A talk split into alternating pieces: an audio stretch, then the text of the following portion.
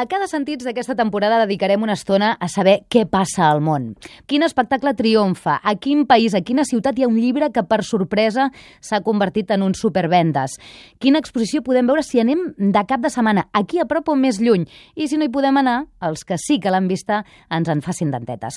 O què ha influït en la cultura d'un determinat país. I en aquesta última excepció és la que hem agafat justament per començar aquesta temporada. Avui ens situem a la Itàlia del 1964, ara fa 50 anys. Io voglio per me le tue carezze. I qui millor trobaríem perquè aconseguís traslladar-nos a aquesta època és el nostre corresponsal a Roma, l'Eduard Rubió. Eduard, bona tarda. Hola, bona tarda, Estel. A veure, et puc preguntar quants anys fa que, que vius a Itàlia, tu? Mm, Una infinitat d'anys, són 26 anys que treballo aquí a Itàlia. Eh, estic casat amb una italiana i, per tant, vull dir... Absolutament integrat ja, eh? Sí, totalment integrat, eh, dir, fins i tot en el pensament, no? I en la cantarella que fa servir el parlar, que això sempre ho comentem i que és deliciosa. A veure, Eduard, per tant, tu no hi eres el 1964. No. Avui ens situem a la Itàlia de fa 50 anys. I per què aquest any? Perquè no sembla ser un any de ni fets clamorosos, ni de grans catàstrofes, ni tampoc eh, té una data de referència històrica, no? Sí, efectivament, eh, és veritat tot això que dius. No és un any important des d'un punt de vista potser històric, però va ser un any, el del 1964, a través de fets potser més aviat quotidians, molt superficials, molt concrets, van començar aquests fets a canviar el rostre del país i els hàbits i també els costums. I quins són aquests canvis, doncs, més evidents?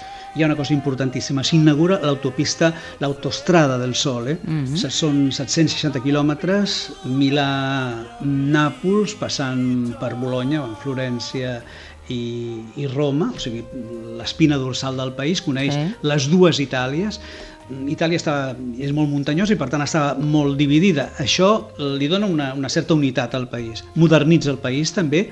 Per altra banda també la Eh, Sí. són els motors econòmics d'aquesta indústria del país. En aquells anys, recordem, eh, hi ha el 600, que és el model per excel·lència de l'italià mig, que mm, tothom té, i precisament en el 64 la RAI compleix 10 anys de, de Mhm. vida.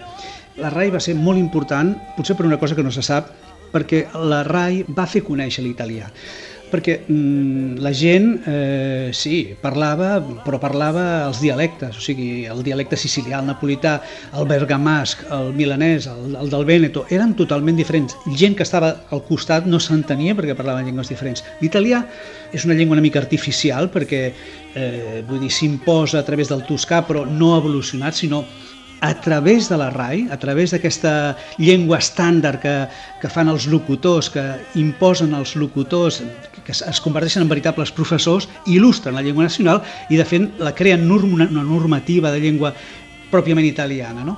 I, a veure, hem parlat de la Fiat, que popularitza el cotxe, de les infraestructures, de la llengua. Tot això, eh, com va influir en la societat italiana? Han projectat la societat italiana, podríem dir, cap a la modernitat. La, Ah. la del 64 és una Itàlia que intenta renovar-se. I en aquell any es crea una cosa important també per a l'italià, que és la SIP. La SIP, SIP, és la telefònica italiana. El mm. telèfon, més que cap altre país, es converteix en un instrument que és indispensable pels italians, i això ho veiem, Sí. com ho has pogut veure tu, sempre estan en el, Sí. en el, en el mòbil. Ara no? sobretot, no? Ara sobretot, però abans també, eh? Jo quan vaig arribar aquí no, jo encara no hi havia el mòbil i en canvi vull dir, la gent sempre estava trucant. I els bars es converteixen en centres de relació humana. Això és una cosa també curiosa perquè per un cantó hi ha el cafè, de, per un altre hi ha el telèfon, que tots els bars tenien el telèfon i la seva fitxa, i després hi ha el jukebox, que entra també en aquell, en, aquell, en aquell any, no? Els Beatles, o Gianni Morandi, o Gigiola Cinquetti, que guanya per primer cop una menor el, el San Remo d'aquell any amb la, la cançó No No Neità doncs, vull dir, són coses que es poden escoltar en el jukebox. Doncs eh, meravellós retrat aquest de la Itàlia del 1964. Ara se'n commemora el 50è aniversari, aquest mig segle, i hem sabut una mica com ha influït tot el que va passar aquell any a la societat italiana actual. Eh, Eduard, fins ben aviat, moltes gràcies. Fins molt aviat i moltes gràcies a vosaltres. avrai tutto il mio